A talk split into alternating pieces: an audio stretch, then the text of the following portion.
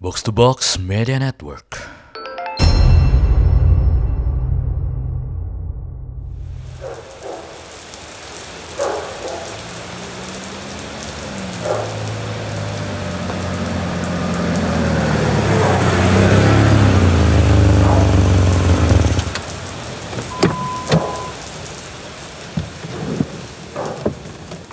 Selamat datang saksi. Sebentar lagi saya akan mengantarkanmu menuju destinasi. Mohon kencangkan sabuk pengaman, nikmatilah perjalanan. Dan atas nama seluruh persepsi yang bertugas saya ucapkan terima kasih telah berkendara bersama saya di taksi Lamunan.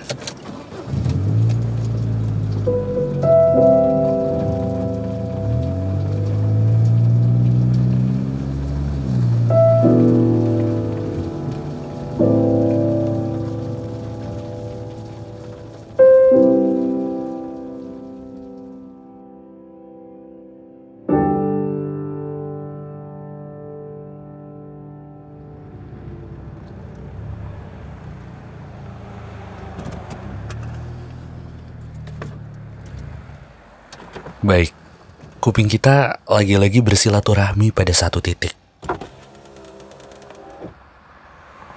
Pada episode yang kali ini kita tahu persis bahwa jauh sebelum adanya pandemi, penduduk bumi sudah lebih dulu mengurung dirinya sendiri. Masing-masing terbagi menjadi beberapa golongan. Dengan dipisahkan satu garis pembatas yang sudah lama membentang luas. Namanya adalah strata ekonomi. Sebuah kesenjangan yang punya bobot penting dalam penyekatan wilayah ini. Di kawasan satu, isinya ditempati oleh manusia-manusia berkecukupan. Mereka adalah masyarakat yang dalam hidupnya akan selalu menemukan pintu.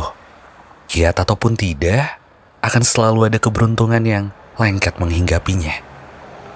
Sedangkan di kawasan yang kedua adalah kebalikannya. Mereka adalah kerumunan populasi yang mau tidak mau harus tinggal di lorong buntu. Jumlahnya tidak sedikit, melainkan banyak. Mereka adalah penghuni lapisan bawah yang diharuskan mengeluarkan lebih banyak tenaga. Butuh menggedor lebih banyak usaha agar mampu bertahan dari semuanya. Ketika makhluk kelas satu bertepuk tangan, di seberang sana ada yang semakin kekurangan. Saat warga yang tumbuh di zona nyaman kekenyangan, ada mereka-mereka yang terpaksa berkentayangan. Turun ke lapangan memburu rejeki, entah dengan berjualan, bekerja serabutan, atau bahkan pergi melucu ke jalanan.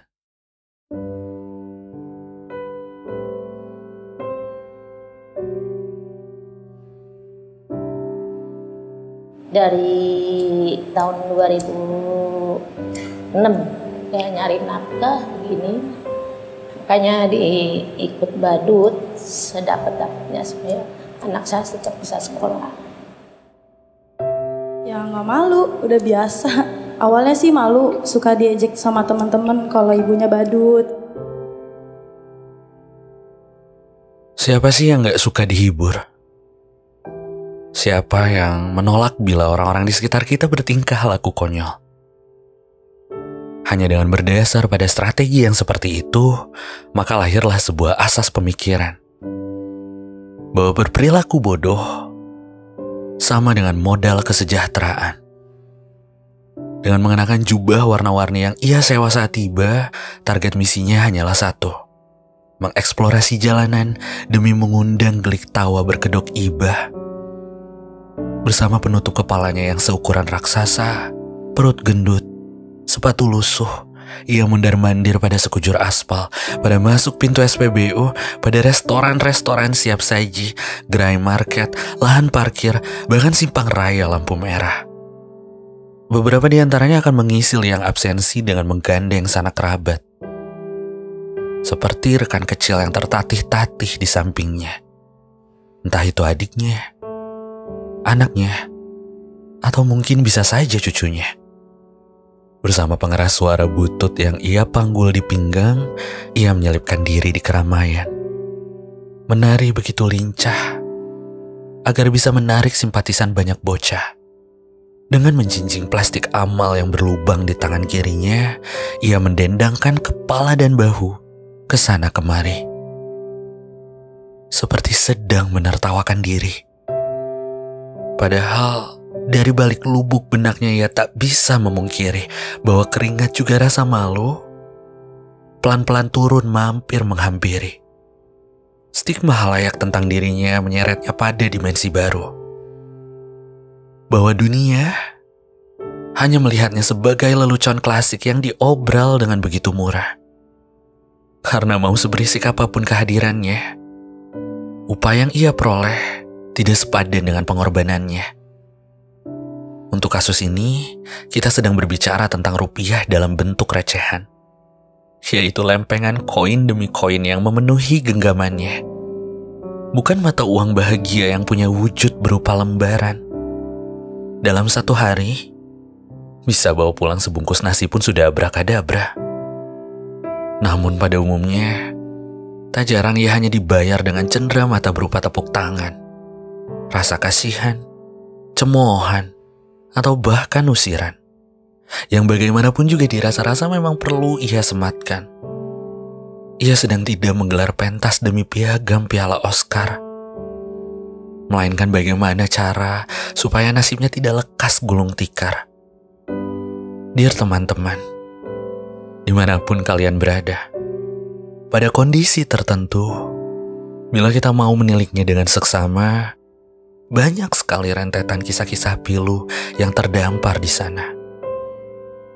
Seperti kita-kita yang serba tidak tahu. Dari balik kostum dengan senyum lebar, ada mereka-mereka yang sedang keringetan. Pegal kakinya karena kelaparan. Sakit punggungnya karena serba kekurangan. Mereka tidak terlahir istimewa, maka demi menyambung nyawa, yang bisa mereka lakukan hanyalah menghibur banyak jiwa. Jika suatu hari nanti, secara tidak sengaja kalian berpas-pasan dengannya, saat mereka sibuk bergoyang, melambaikan tangan, pahamilah, sejatinya mereka sedang berteriak kepada kita, memberitahu kita bahwa hidup baginya adalah sirkus. Tak punya pilihan selain menawarkan tontonan menakjubkan. Dan sewaktu-waktu, bila mereka sudah tidak bisa lagi mempertahankan keseimbangannya, nyawa mereka lah taruhannya.